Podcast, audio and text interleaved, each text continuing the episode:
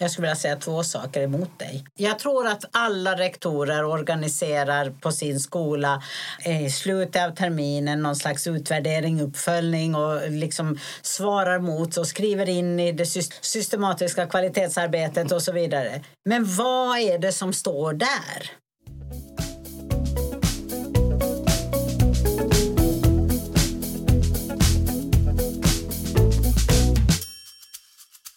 Hej och välkommen till Skolprat, en podd om skola, undervisning och lärande. Jag heter Niklas Åkerblom och vid min sida sitter som vanligt en starkt lysande stjärna i Karin Rådberg. Hur mår du Karin? Oh, jag mår bra tack, vad fint. En lysande stjärna, det kan behövas. Här. Jag tycker du strålar idag. Ja. Till skillnad mot de andra gångerna jag träffat dig. Eh, skämt åsido, det blir mörkare men podden lever. Och idag gästas Skolprat eh, av Inger Eriksson, Sebastian Björnhammer och Ann-Sofie Jägerskog. Välkomna till Skolprat. Det är faktiskt första gången som Skolprat gästas av en trio. Så idag tänker vi oss att ni ska få beskriva er bakgrund lite själva. Om vi börjar med dig Sebastian. Ja, Sebastian Björnhammer. Jag är i grunden lärare men jobbar nu som projekt och utvecklingsledare i pedagogikavdelningen på Kunskapsskolan. Sen är jag också doktorand i naturvetenskapsämnenas didaktik och arbetar inom STLS, Stockholm Teaching Learning Studies. Och Inger? Ja, jag är Inger Eriksson. Eh, jag är professor eh, i pedagogik vid Stockholms universitet samt eh, faktiskt i det här sammanhanget också samverkanslektor för ULF-projekt vid Örebro universitet. Och jag har också ganska många års erfarenheter som lärare. Och sen sist men inte minst Ann-Sofie. Ja, Ann-Sofie Jägerskog heter jag och är gymnasielärare i botten. Har jobbat på Fryshusets gymnasium i många, många år. Nu jobbar jag på Stockholms universitet som lektor så jag jobbar med lärarutbildningen och med forskning där. Och sen så är jag också involverad i Stockholm Teaching and Learning Studies. Jag har väl varit lite involverad Synnerligen i Stockholm Teaching involverad. and Learning Studies. Jag var med och grundade. Ja, härligt. Hur mår ni idag? Bra. Bra.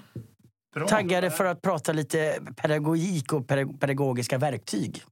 Äntligen, tänker jag. Vi rör oss i många olika saker i, i podden. Och det är så. Skola är ju så många olika saker. Men undervisningen är väl ändå så liksom det viktigaste. Så äntligen lite undervisningsfokus. Och Sebastian och Inger, ni har ju varit med i podden förut och pratat mycket undervisning då. Det är din debut här. Det är det. Det känns ja. sjukt stabilt att göra ja, det här med Sebastian och Inger. Ja. Mm.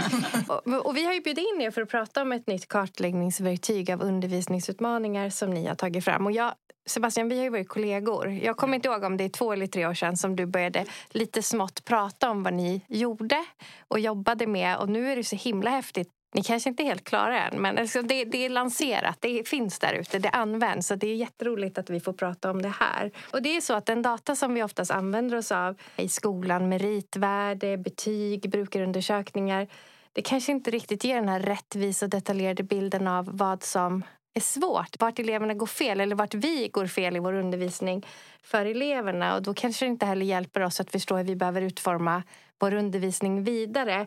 Om vi har förstått verktyget rätt så kan det här vara ett svar på den problematiken att ligga mer klassrumsnära. Men först, hur kommer det sig att ni har utvecklat det här verktyget? Ska jag börja? Ja. Eh, jag, jag har en lång historia och jag ska göra den superkort. jag jobbade tillsammans med Lena Lindblad Petersen som var rektor på Sjösaskolan. Och eh, jag hade en del av min tjänst där hos henne. Och då blev jag nyfiken på hur väljer hon vilka projekt, utvecklingsprojekt hon ska satsa på som rektor och finansiera och liksom sätta undan tid för och eh, engagera lärarna i. Och frågade henne att hur vet du vad som är viktigt eh, just nu att jobba med? Eh, vad är det som undervisningen kanske inte fullt ut träffar rätt och så vidare. Och då sa hon, ja men det vet jag inte. Alltså så här, skulle du inte kunna liksom ha något enkelt system så att du vet att ja men, så här står det i läroplanen, det här är kunskapsuppdraget, det här är innehållet. Lärarna, om de tittar på det på det sättet, vad säger de då? Jag brukar säga att man sätter handen på magen och känner efter. Det här kan vi bra. Det här lyckas vi väl med att eleverna lär sig. Men det här kanske vi inte lyckas så bra med det är kanske här vi borde ha vårt utvecklingsarbete. Och eh, då frågar hon, ja men hur skulle det gå till? Ja, så jag, inte vet jag. Man kan väl göra en enkel matris. Långsiktiga målen på ena ledden och innehållet på andra ledden. Då blir det ju små rutor i mitten där man kan känna efter. Ja, men det där fungerar och det där fungerar mindre bra och så vidare. Och det gjorde vi till ett litet, eller jag skrev ett litet kapitel om det och sen så blev det från STLs sida då ett intresse av att faktiskt börja pröva det mera systematiskt. Och då fick jag mina två kollegor att eh, ställa upp på någonting som Ann-Sofie i alla fall inte trodde på. Varför trodde du inte på det? Nej, men jag, tror att, jag tror att ganska många av oss är matriströtta. Vi är så sjukt trötta på matriser. Så säger någon att vi har en matris här så går går liksom, vissa ser ju rött skynke, andra älskar det. Jag tillhör kanske de som inte går igång på matriser för jag tycker att världen är mer komplex och mångfacetterad än en fyrfältare. Men eh, alla kan ju förändras, tänker jag. Eh, så att, eh, det är ett fantastiskt redskap. Vi har ju sett hur det inte att matrisen i sig löser problemen men matrisen skapar en plattform för samtal som gör att de här undervisningsutmaningarna bör, kan börja ta form eh, och att de didaktiska samtalen plötsligt handlar om det som är kunskapsuppdraget. Så att, eh, jag tror att ordet matris har vi faktiskt valt att inte använda. Vi pratar om ett kartläggningsredskap. Sen råkar det vara i matrisform. Jag fastnade däremot för eh, matrisen. Men du är naturvetare. Ja, men ja. det kan bero på det. Ja. Men just det här systematiska i det.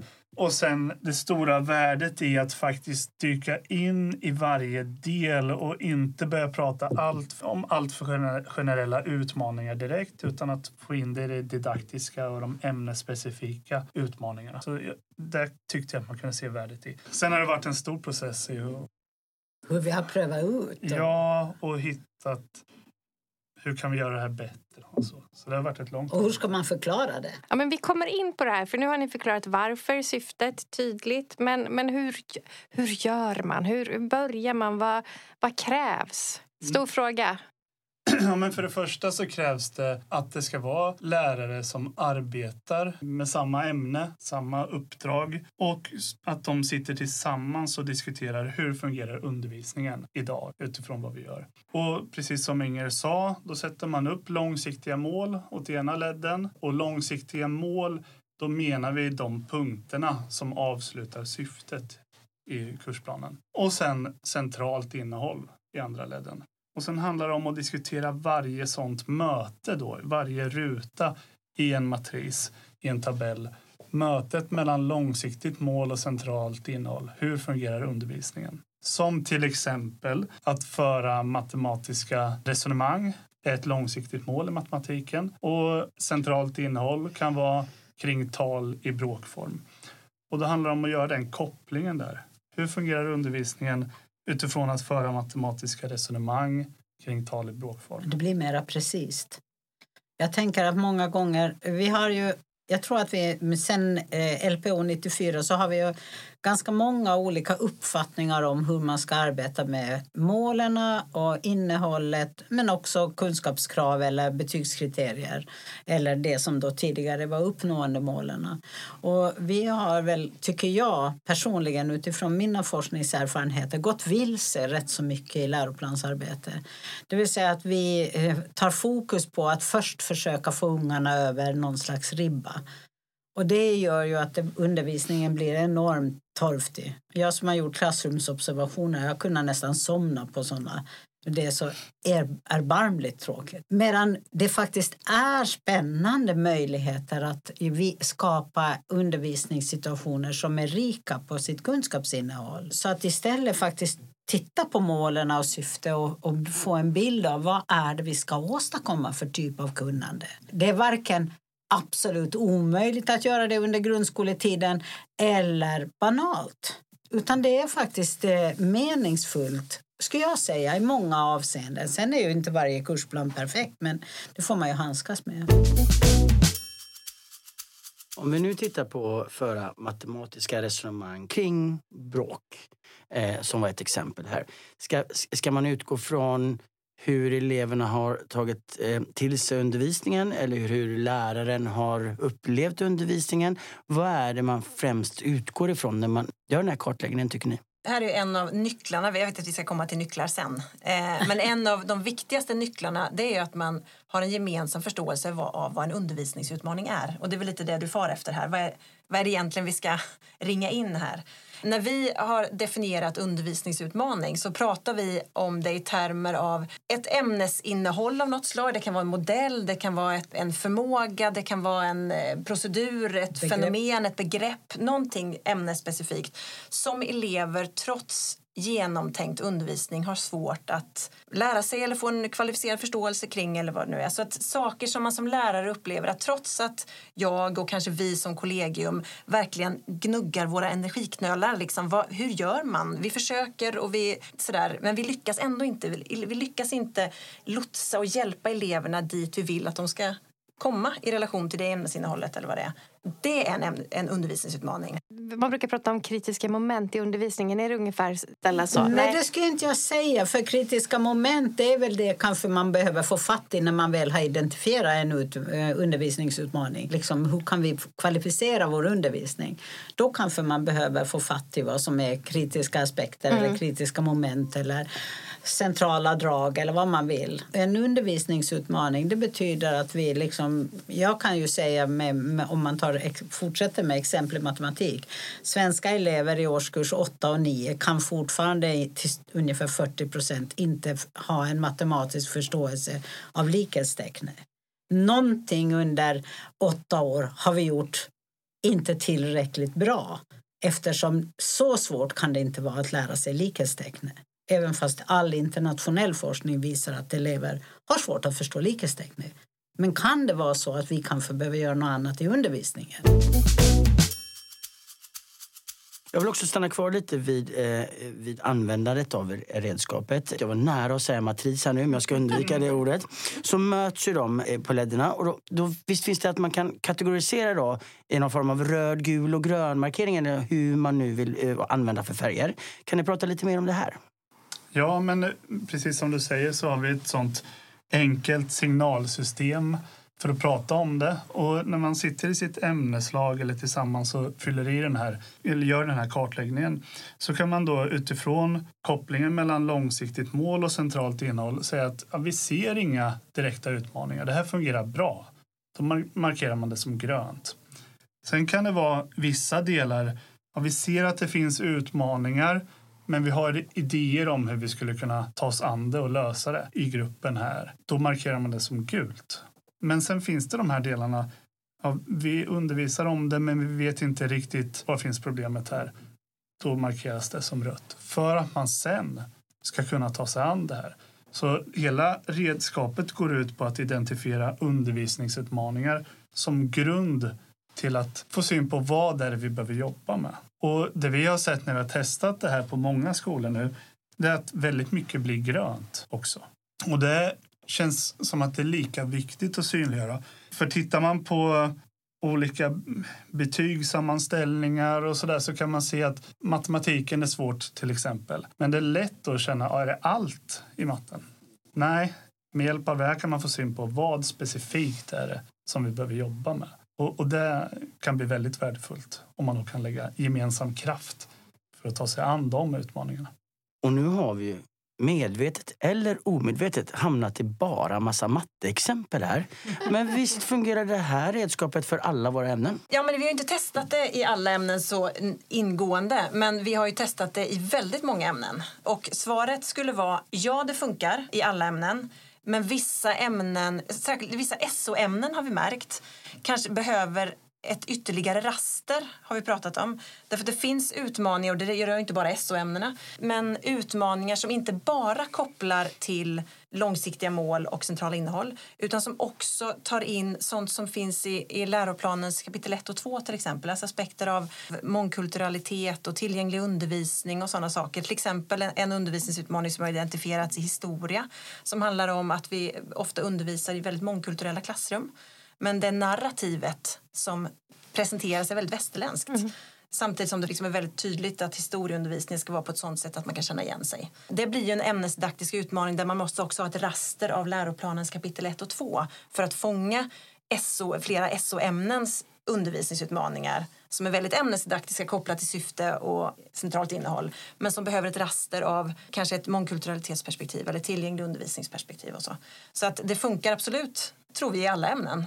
Men vissa ämnen kanske behöver ytterligare ett raster för att inte tappa bort vissa undervisningsutmaningar som man får syn på i ljuset av till exempel läroplanens första kapitel. Då kan man fundera på om det där rastret då, kanske beroende på tradition är olika starkt i olika ämnen. Det blir olika tydligt att det här rastret behövs. Inom SO-ämnena blir det väldigt tydligt men kapitel 1 och kapitel 2 ska genomsyra alla ämnen så tänker att det här rastret behöver finnas hela tiden. Men det blir, har blivit olika tydligt när vi har testat det. Men det finns ju också en sån aspekt om man tittar till läroplanen som helhet och den kunskapssyn som ligger till grund för läroplanen och som faktiskt ligger till grund från läroplanen ända från LPO 94. Det vill säga kunskapsperspektivet sägs vara detsamma. Vi ska inte gå in på den diskussionen om det är det. Men det ger ju eh, också liksom att man behöver kanske sätta lite ett ökat fokus på hur tänker vi kring kunskap? Vad tänker vi att kunnande är?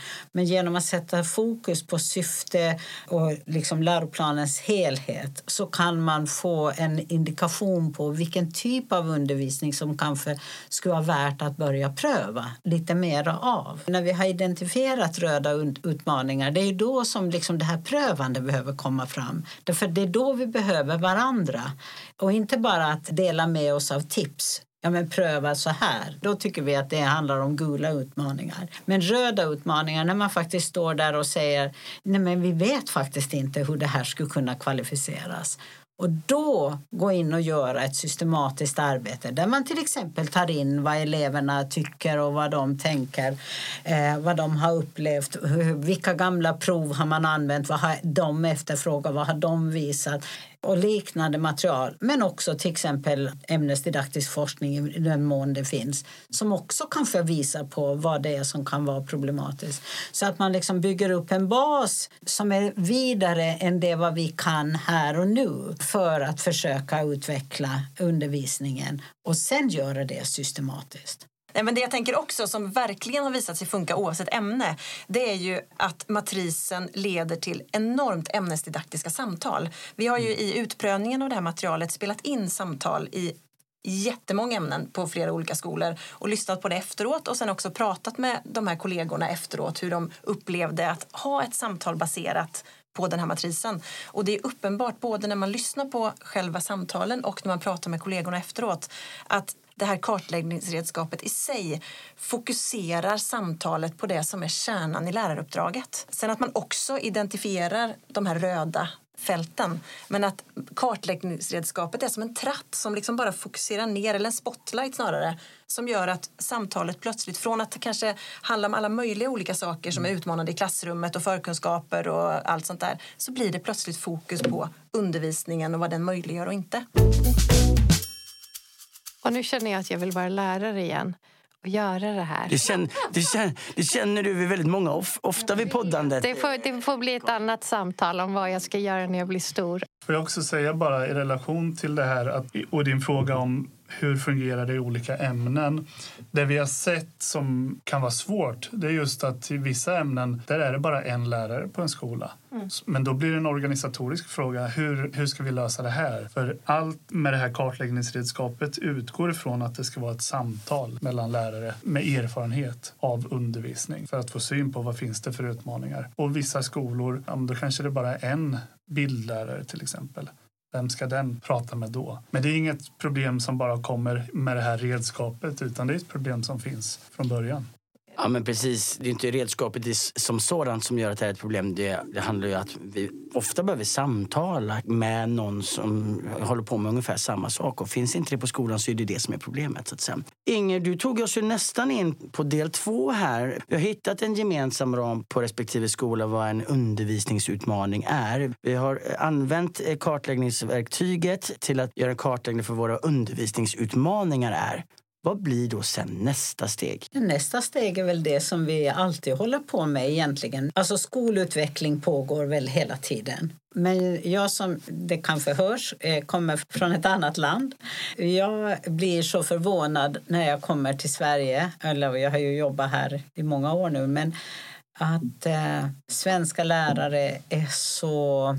De tittar så mycket att någon annan ska komma och säga vad de ska göra. De tittar så mycket efter att någon annan ska komma och säga vad som är problemet. Och jag skulle vilja ha en lärarprofession som liksom känner att de har styrka och kapacitet och redskap för att identifiera vad det är som ska utvecklas. Så det som egentligen ska till är ju egentligen regelrätta utvecklingsarbete som pågår i princip i alla skolor. Men det är bara att det behöver ske systematiskt och det behöver ske vad vi säger lärardrivet men i nära samverkan med skolledning. Så att det blir förutsättningar och att det blir en långsiktighet i det arbetet och att man kan hämta hem de kunskaper som man vinner från det här liksom, utvecklingsarbete som man gör. Man brukar prata om eh, top-down och bottom-up eh, utveckling och vi skulle vilja säga att nej, det är ett samarbete som måste vara både internt lokalt men också externt kollegialt. Det vill säga att det är någonting, vi är lärare i ett land. Vi är ett kollegium som är mycket större. Sebastian pratar om den vidgade kollegialiteten. Ja, det är så viktigt att se det här som en förflyttning av den kollegiala gränsen från att bara handla om vi på vår skola att kunna samarbeta med andra skolor men också att se akademin och universitet som en del av ett kollegie. Ta stöd i tidigare forskning till exempel när vi har en utmaning och samarbeta och förflytta kollegiala gränsen på det sättet. Och just nu inom Kunskapsskolan så testar vi det här redskapet i alla ämnen på grundskolan och Dessutom då så kommer en lärare från varje skola till ett nätverk, ett ämnesnätverk och möts. Vi har ju väldigt många skolor och de här lärarna träffas och möts för att sen diskutera vilka utmaningar har vi sett på våran skola och kan man då få syn på utmaningar som finns på 30 skolor och enas och se vilken kraft man kan få då i att ta sig an de utmaningarna. Och sen såklart ta stöd i, i forskningen.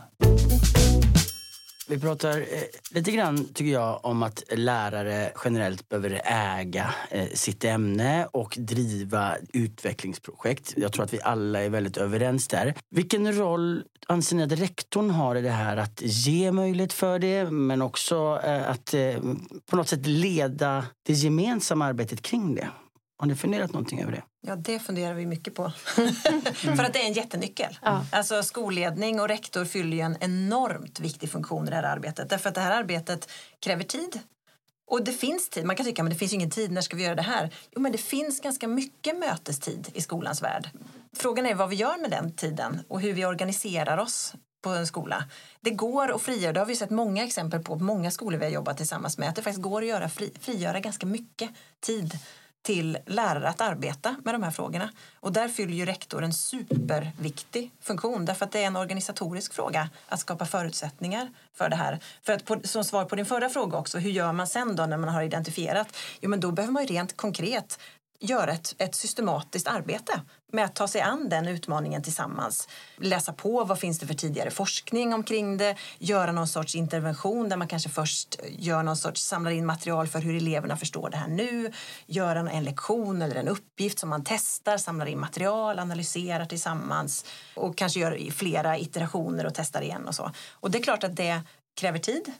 Det kan å andra sidan göras inom befintlig undervisning men om, man behöver också naturligtvis mötestid med sina ämneskollegor. Så att där fyller rektor en jätteviktig funktion rent organisatoriskt. Men jag skulle säga att det också fyller rektor en jätteviktig funktion rent alltså inspirations och fokusmässigt. Att sätta fokus på de här frågorna. Att det är den ämnesdidaktiska, undervisningsutvecklande. Det är det jobbet vi ska mm. lägga tid på. Just det där med fokus, det tror jag är jätteviktigt. För det har blivit väldigt vanligt, tror jag, på många skolor att till exempel med observationer arbetar man med. Men vad är det man observerar då? Ofta är det läraren, vad läraren gör. Och då kan det vara generella frågor som man tittar på. Om en, är eleverna engagerade? Men man behöver också fundera på vad är eleverna engagerade i. Så att hjälpa till att sätta det här fokuset kopplat till undervisningen och ett innehåll. Och då handlar det kanske inte om att en lärare ska observera en annan lärare utan att man i en lärargrupp tillsammans, det här är vår utmaning, det här kan vi försöka planera tillsammans för och sen tillsammans titta på det. Vilket man ofta gör i den här typen av forskningsinterventioner och, och de processerna. Här kan jag inte annat eh, att göra än att hålla med. Eh, för jag, jag, som jobbar som, som eh, rektor på en skola, man ser allt man vill göra och allt man vill utveckla. Och man springer åt höger ena dagen åt vänster andra dagen. Men man får effekt först i skolutveckling när man kan på förhand bestämma vi fokuserar oss hitåt. Alla ska åt vänster till exempel. Eh, och då behöver man säga vi behöver identifiera undervisningsutmaningar det här året. Det är dit vi ska nu. Alla de andra grejerna är också viktiga, men de får låta vänta på sig. Att ha modet att säga så tror jag är viktigt. Jag skulle vilja säga två saker emot dig. Ja, kul! Mm, mm, mm. Det ena är, nej, jag skulle inte säga att det här är något som du gör ena året. Jag tror att alla rektorer organiserar på sin skola eh, i slutet av terminen någon slags utvärdering, uppföljning och liksom svarar mot och skriver in i det systematiska kvalitetsarbetet och så vidare. Men vad är det som står där?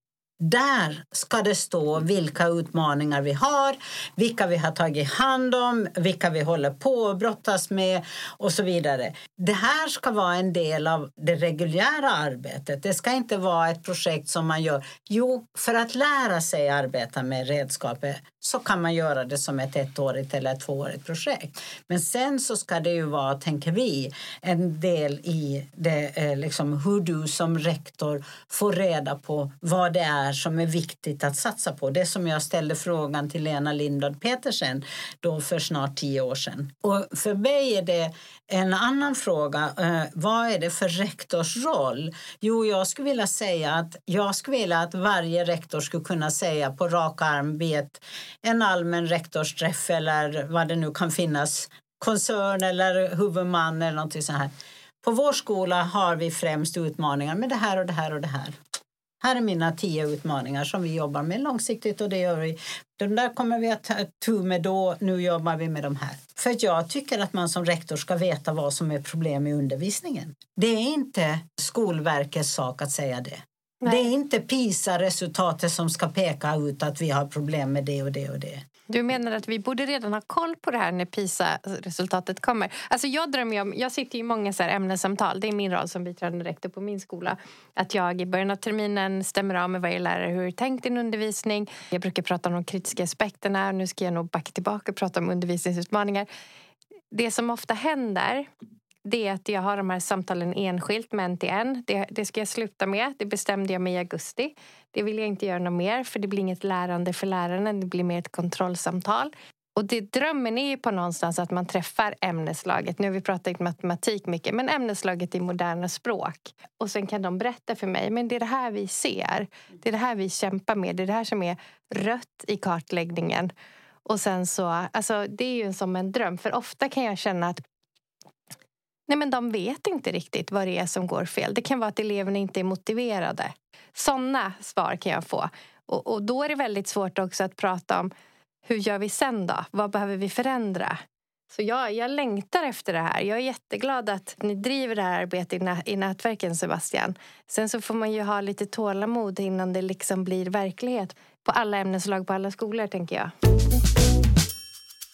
Jag skulle vilja ställa en eh, följdfråga också. Eh, det jag menar lite var så att vi kan ha skolor som kanske inte riktigt är där. Ska vi försöka hitta något exempel då?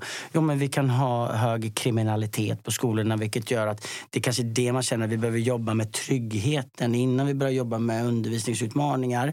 Det kanske finns skolor som är i andra änden som känner att undervisningen här den är på en, en, en toppennivå men vi behöver jobba med med eh, eh, någon annan del av vårt uppdrag. Just just nu är det viktigare. Det var lite det jag menar. Hur ser ni på det? Eller är det alltid så att det här ska vara kärnan? Jag kan börja med att säga att man har ju massor av olika sätt att samla in data som vi var inne på från början. Men om man nu säger att undervisningen fungerar på en toppnivå på en skola, då skulle jag för det första vilja veta Hur vet ni det? Är det utifrån betyg? Ja, det tänker jag inte att man kan veta utifrån betygen. Och det är någonting som vi har jobbat mycket med här, att det är en skillnad att titta på undervisningen mot att titta på ett resultat av undervisningen. För att såklart betygen, det kan bero på vilka elever det är och vilka förutsättningar de har. Men här tittar vi på undervisningen. Vad fungerar i undervisningen? Så därför har det här kartläggningsredskapet varit ett viktigt bidrag till den data vi redan samlar på skolorna. Sen är det alltid så i, ett, i det systematiska kvalitetsarbetet att man behöver fundera på i vissa fall vad behöver vi prioritera? Och det är något som vi har pratat om i det här. Ja, men blir väldigt mycket rött till exempel när man fyller i så ska man på något sätt välja vad ska vi börja med. Men med de rektorer vi har pratat med så har inte jag fått uppfattningen att de tycker att vi ska lägga det här åt sidan för vi ska göra något annat först. Utan man kan jobba med flera saker samtidigt. Så det skulle vara mitt svar. Att undervisningen måste vi alltid jobba med och förbättra. Jag tänker att frågan som, som du ställer här nu, det kanske finns andra viktigare saker. Och då är min fråga, men vad är skolan, vad går det ut på? Är det inte utvecklingen av, av kunnanden och kunskaper och förmågor som är hela grejen i skolan. Ja, det är värden också naturligtvis, kunskaper och värden. Men att säga att nej, men det är så mycket annat på gång så vi får vänta lite med det där med undervisningen.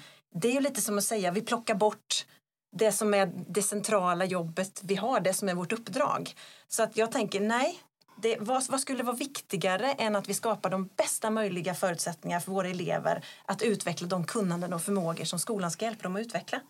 Naturligtvis behöver vi också skapa förutsättningar för andra saker. Men det där med att utveckla kunnande och förmågor är det som skolan i väldigt stor utsträckning går ut på. Och att plocka det åt sidan för någonting annat. Och jag tror också att det är så att vi tänker att vi måste först jobba med studieron. Mm. För vi måste mm. få lugn och ro i klassrummet. Sen kan vi ta tag i undervisningsutmaningarna. Det är som, att, som om det går att separera undervisningen från studieron. Jag tror snarare att vi ska börja i helt andra änden. Låt oss börja i undervisningen. För skapar vi undervisning och lyckas hitta uppgifter och upplägg som får elever att förstå att det här är angeläget och som får dem att tänka på riktigt och tycka något är knöligt men spännande. Jag vill veta, jag vill förstå och jag vill lösa. Då kommer det där med studieron att komma med på köpet. Så frågan är hur vi tänker om undervisningen och dess roll i relation till annat som skolan också inkluderar. Kloka tankar. Petter, den, den gamla godingen som var med i podden från början, han pratade ju alltid om den undervisningen. Men sen så vet vi att vi har en verklighet där ute. Då måste vi också få hjälp som skolledare att liksom lägga fokus på på det. Det är många som drar och tycker. Man tycker så mycket, men man tycker också att eleverna ska lära sig att må bra. Det är det absolut och jag tänker i parallell till det som alltså vi säger, jag kan inte nog understryka liksom vikten av att vi kanske har missat att undervisningen, en meningsfull, rik, kommunikativt eh, utmanande undervisning kan förfånga ungarna.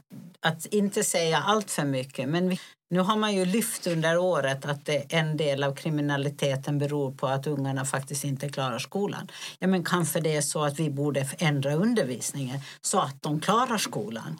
Alltså kanske till och med så att undervisningens innehåll kan vara den väg som skolan kan gå för att hantera allt det där andra som skolan förväntas göra. Så att eh, liksom, om man faktiskt tar kunskapsuppdraget som ett kärnuppdrag Precis som man i vården tar, ja men det är problem med långa köer. Ja men ska vi sluta vårda patienterna för att kön är lång? Då kan vi kanske få in dem fortare i systemet. Men är det det det handlar om? Så att jag tror att vi faktiskt behöver göra en synvända i vårt västerländska skolsystem där liksom vi tror att vi kan separera det sociala från kunskapsinnehållet utan istället se att det är kunskapsinnehållet som kan vara vägen till både det sociala, det kommunikativa och till lärande. Liksom det är vårt kärnuppdrag och det är där vi kan vara skickliga. Ja, men, och det där tycker jag att man upplever. Jag hade en jättefin upplevelse förra torsdagen. Jag hade varit borta från jobbet några dagar och så kom en elev eh, som vi kämpar med. Hen kämpar också och berättade två positiva saker kring hur det gick. Och det är ganska fantastiska saker. Och ett kommer fram till biträdande rektor som inte undervisar. Och eleven mår också bättre, är lugnare, det är färre samtal hem. Alltså, för att vi har gjort saker som gör att den här eleven lär sig. Vi ska gå vidare. Vi, ni har skrivit en slutrapport och där nämner ni att det finns några nycklar och de måste ni, vi ju prata om. Ni har identifierat några nycklar för att redskapet ska bli fruktbart. Vad, vad är de här nycklarna för att det, vi liksom ska lyckas med kartläggningsverktyget? Jag tror vi har varit inne på ganska många ja. av dem. Man kan säga att det är tre typer av nycklar. Ja. Eh, en typ av nycklar är de mer praktisk organisatoriska. Eh, till exempel att i de här grupperna, om man har många lärare som gör det tillsammans så är det viktigt att grupperna blir sådana att det finns både erfarna lärare och sådana som kanske inte är lika erfarna så att det inte blir bara ganska nyexaminerade lärare för det är inte helt lätt att identifiera undervisningsutmaningar. Så en sån rent praktisk sak till exempel. Så det finns en del sådana. Det kan vara också rent matrispraktiska saker. Nu sa jag matris, hör ni det?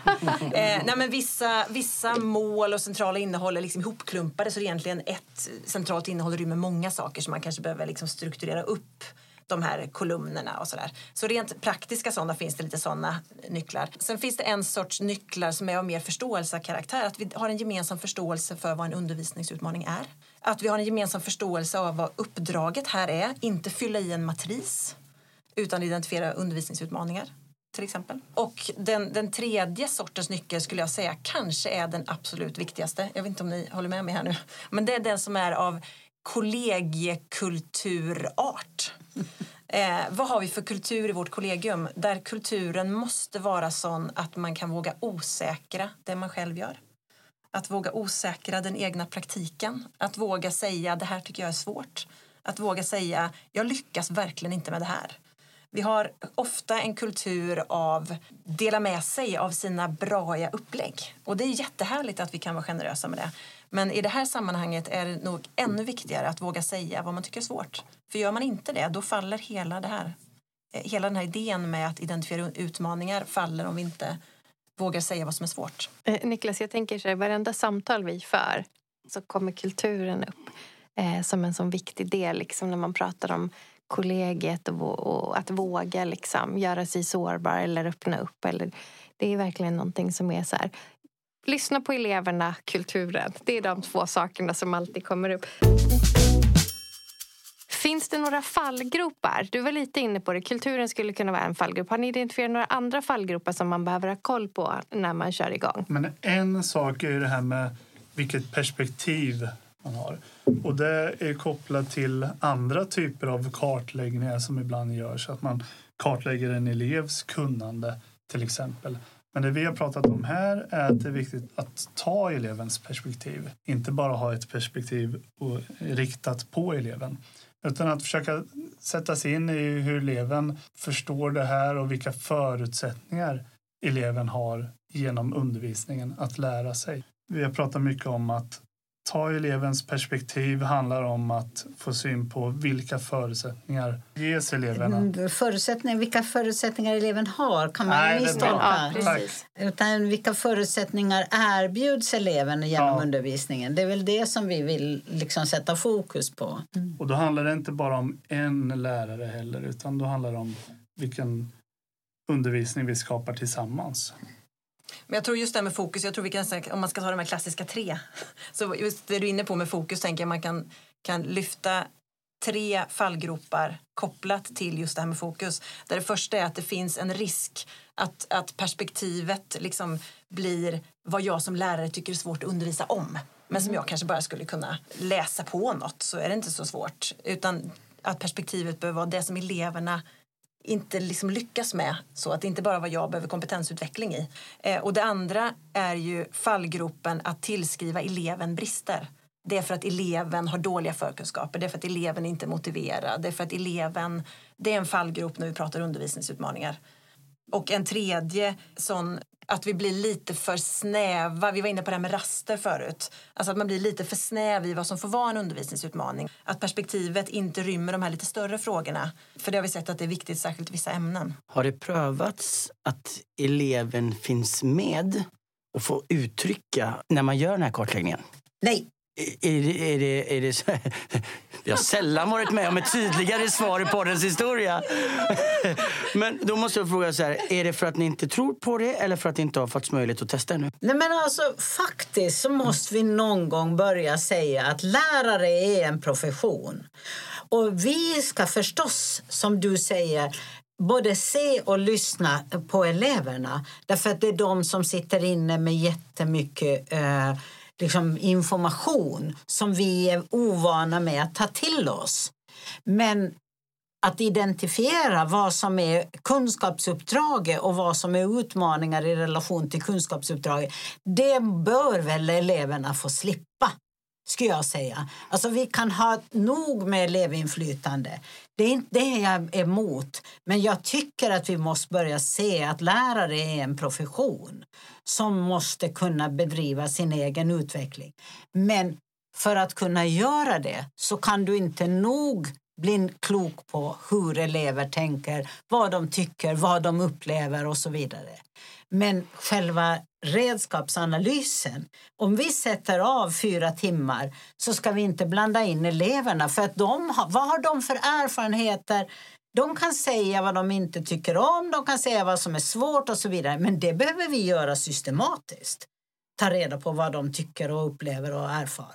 Karin, jag tänkt på det. Jag, jag drar väldigt mycket paralleller kring samtalet här kring när vi träffade Anna Karlefjärd. Det gör inte jag. Kring lärarens profession, hur stark lärarkår vi har, att de måste tro på sig själva och att det finns eh, det här med professionstänket. Ja, nej men, absolut. Nu när du säger Det var ett tag sedan vi poddade. Det var ett år sedan.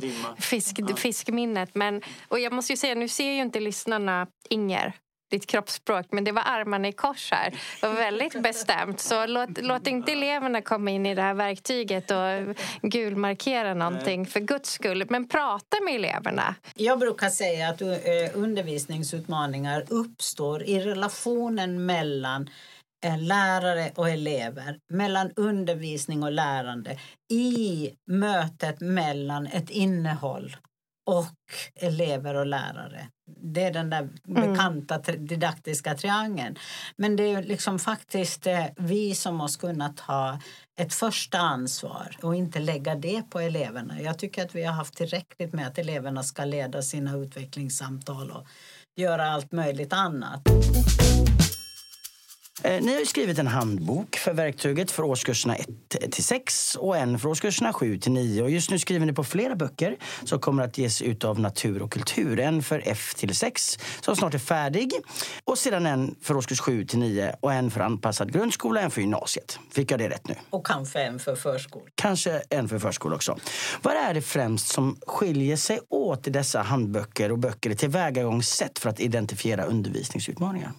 Mellan eh, årskurserna eh, F till 6 och 7 till 9 där tror vi inte att det kommer att vara så stor skillnad. Det kommer att vara en skillnad i färg på pärmen. Jo, det finns en skillnad till också. det är så här man skriver många böcker. nej. Eh, nej, men det blir en skillnad i exempel. Alltså det är ganska stor skillnad om man ska konkretisera. Mm. För den här boken är tänkt att vara väldigt hands-on. Att den faktiskt ska kunna vara en bok som man får i handen, man läser den och känner det här kan jag göra tillsammans med mina kollegor. Och om det då är konkreta exempel, vi ger ju väldigt, väldigt mycket exempel. Det är inte bara matte, ska Nej. vi understryka som exempel. Men om man ger exempel från förskoleklass och från ettan och tvåan så är inte det något som man som lärare i årskurs 8 och 9 känner att man direkt connectar med kanske. Så att det finns en viktig poäng i att mm. göra eh, exempel som är relevanta.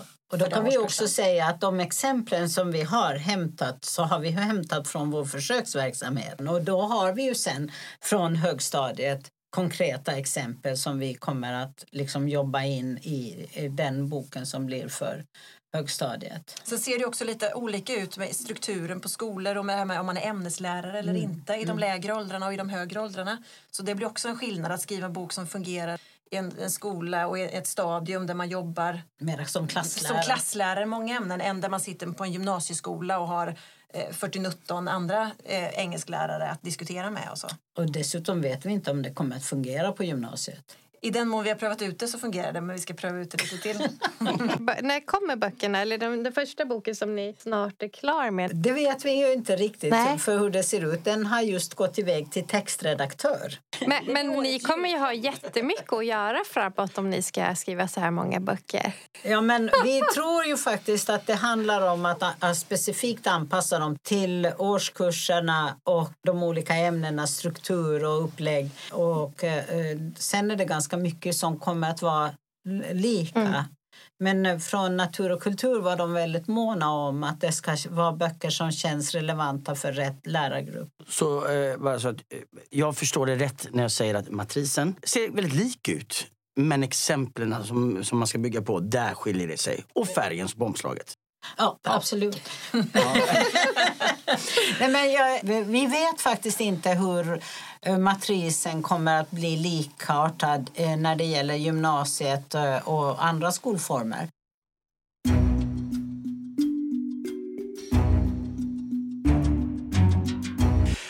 Vi har kommit fram till programpunkten som heter Karins kritiska kommentar eller Niklas nitiska blick. Och idag är det min tur och vi vill alltid vara tydliga med att säga att det eh, behöver inte vara våra åsikter som kommer fram här utan åsikter som man kan ha hört någonstans i samhället.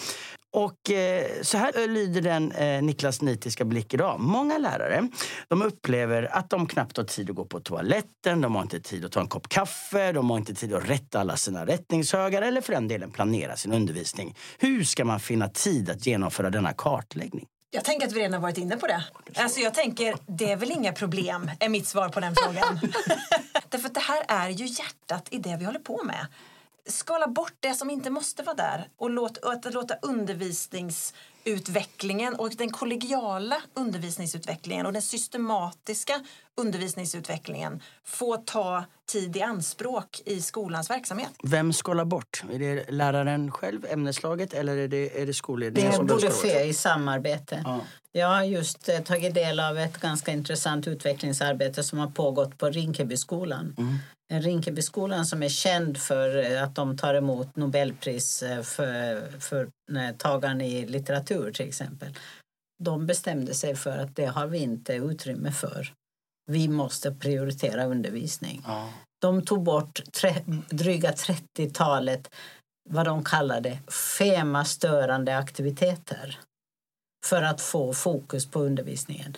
På samma sätt bör en rektor kunna se över vad är det som är till exempel information som inte behöver vara på mötestid utan där mötena faktiskt kan få fokus på kärnuppdraget. Just den insikten eller den känslan får vi ofta kommunicera till oss när vi jobbar med det här verktyget på olika skolor där kollegor uttrycker vad underbart att äntligen få lägga tid på de här sakerna. Alltså det, är här, det är inte känslan måste vi göra det här också, jag hinner ju inte hämta en kaffe utan det är oh vad fantastiskt att vi får lägga hela den här studiedagen på att med ämneskollegor diskutera undervisningsutmaningar. Det här har vi verkligen längtat efter.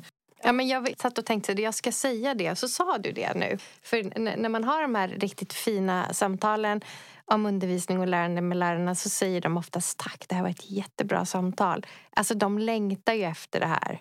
I alla fall på min skola. Ja, jag håller verkligen med. Vi, vi hade en, eh, en gemensam utbildningsdag med fem olika skolor för två veckor sedan där vi pratade om undervisning. Och eh, i utvärderingen av det så var personalen på alla fem skolor enhetliga. Det här var den bästa eh, utbildningsdagen vi haft på länge. Så jag tror också att man, man längtar efter att få prata undervisning. Så jag håller bara med. Mm. Och tillbaka till din fråga att lärare inte hinner gå på toaletten. Det är ju ett problem. Men eh, det handlar kanske inte då om att man inte ska titta på undervisning. Att det är det som är lösningen. Utan det är ju någonting som man behöver titta på överhuvudtaget om det är så att lärare inte har tid. Jag har själv jobbat som lärare och vet att det är väldigt tajt med tid, mycket man ska hinna med och ibland saker som man ska hinna med som, som kanske inte alls gynnar eleverna kan man känna och gynnar undervisningen. Eh, och tillbaka till det här med studiero. Man kan hamna i frågor som är väldigt generella och stora men ska vi göra någon förändring så ska vi göra det i undervisningen tillsammans. Jag tror ju bland alla våra lyssnare så kommer det vara jättemånga som blir intresserade av att genomföra det eller börja att, att, att eh, kartlägga sin undervisning på det här sättet. Och så står kanske många där med den här oron. Kommer lärarna säga den här klassiska, hur ska vi ha tid med detta? Nu fick man lite bra verktyg att bemöta det redan på förhand tänker jag. Ja, du ska få ett argument till tänker jag. Tack. Och det jag tror att det här arbetet på sikt så effektiviserar det ju mitt arbete. Mm. För om jag tillsammans med kollegor lyckas knäcka några av de här nötterna som jag annars lägger tid på att försöka lösa men inte lyckas eller jag behöver lägga många lektioner på något som jag ändå inte lyckas leda eleverna dit jag vill. Om jag genom en tidsinvestering med kollegor under ett läsår tar mig an en av de nötterna så har jag ju tjänat in den tiden många gånger om resten av alla läsår jag ska jobba med just den saken. Om man tittar till grundskolan så kan man ju också tänka så här om vi börjar jobba med undervisningsutmaningar som ett gemensamt objekt, lärare och rektorer tillsammans. Eh, jag har varit inblandad i en del rektorsutbildningar och jag brukar fråga vad rektorerna uppfattar att det är deras objekt och då brukar de många gånger säga lärarnas lärande. Och jag säger att nej, det är fel svar. Därför att det kan inte vara så att rektorerna ska ha ett annat objekt än lärarna. Vi har bara olika uppgifter och funktioner i relation till samma objekt, nämligen elevernas lärande och utveckling. Och kan vi då ha ett redskap som faktiskt fungerar där vi måste jobba tillsammans så är ju det kanske någonting som också skapar en annan, inte en känsla hos lärare, ja men ska du komma dragande med det där också? Utan där man kan få säga, kan vi få göra, nu gör vi det här tillsammans. Vi har hållit på att pröva ut nu i flera skolor. Jag har gjort bland annat i Örebro kommun en ganska stor utprövning med åtta skolor och där vi också fortsätter nu. Där rektorerna varit med hela tiden. Därför att det är deras ansvar att undervisningen blir bättre. Det är inte bara lärarnas ansvar. Nej, det är vårt gemensamma ansvar. Jag tänker, slutrapporten finns ju i skrift. Det finns säkert mer saker skrivet om det här redan nu. Så vi kommer lägga lite länkar till avsnittet. Nu ser jag det här till våra lyssnare. Så känner man så här, jag vill se den här kartläggningsverktyget, inte matrisen. Jag vill se hur den ser ut. För så kan jag i alla fall vara. Jag måste liksom se det för att förstå. Men då ligger det länkar i avsnittet sen. Nu är det dags att börja avsluta. Och vi brukar ju be våra gäster om sina tre bästa tips kring ämnet vi har pratat om. Och nu så tar avstamp i SKU för att identifiera undervisningsutmaningar. Och Då skulle vi vilja att ni var och en ger varsitt tips. Då blir det ju tre totalt. För hur vi, och det här tipset kanske går både då till rektorer och till lärare. Hur ska vi lyckas ta avstamp och göra det här riktigt bra? Vill du börja Sebastian? Ja, men om jag ska börja så vill jag sätta lite fokus igen på det här med den kollegiala gränsen. För att lyckas med det här så behöver man hjälpas åt med att flytta gränsen från en lärare eller bara vi i vårt ämneslag eller bara vi på skolan. Flytta det, ta stöd från, skapa samarbete med andra skolor och skapa samarbeten med universitet för att tillsammans hjälpas åt. Vilken kraft, om vi skulle kunna fokusera all vår kraft som vi lägger på massor av olika frågor hela tiden mot det som faktiskt behöver utvecklas. Det skulle vara mitt tips. Inger? Jo, men min högsta önskan, och det, det svarar inte alls på den frågan du Strunt i det, bara kör! Jag vill ha en svensk profession som tar ansvar för sin kunskapsutveckling. Framför allt den ämnesdidaktiska kunskapsutvecklingen. Så att det är ett inifrån drivet utvecklingsarbete som kommer till stånd. Tack. Då får du avsluta, Ann-Sofie. Mm. Det är då man ska ha de bevingade orden. Men jag, jag knyter an där lite grann och tar det ner till det du säger nu, liksom in i skolan. Det, det, är nog den där osäkrade kulturen. Att för att vi ska få den professionen så behöver vi å ena sidan skapa en förutsättningar för en osäkrad kultur där vi vågar lyfta på stenar och säga att vi är osäkra. Men samtidigt sträcka på ryggen och vara riktigt stolta över vår profession och det vi kan och att det är vi som kan ta tag i de utmaningarna som vi identifierar. Både identifiera dem och ta tag i dem. Så kombinationen av en osäkrad kultur där vi vågar ställa frågor och vara osäkra och samtidigt en rak rygg där vi är stolta över vår profession och det vi kan. Jättebra, jättebra. Vi har ju spelat in ett avsnitt om skolkultur också. Det kan man också lyssna på. Ja, och vem är gäst i det avsnittet? Äsch. Det var innan Niklas fick vara poddvärd, då fick han prata skolkultur. Men, men nog om dig Niklas. Stort tack! Det här har varit jätte, jätteroligt och lärorikt. Jag vill bara gå tillbaka till skolan nu och göra det här med era kloka eh, ord i ryggen. Tack för att ni kom. Stort tack, tack för att vi fick komma. Tack.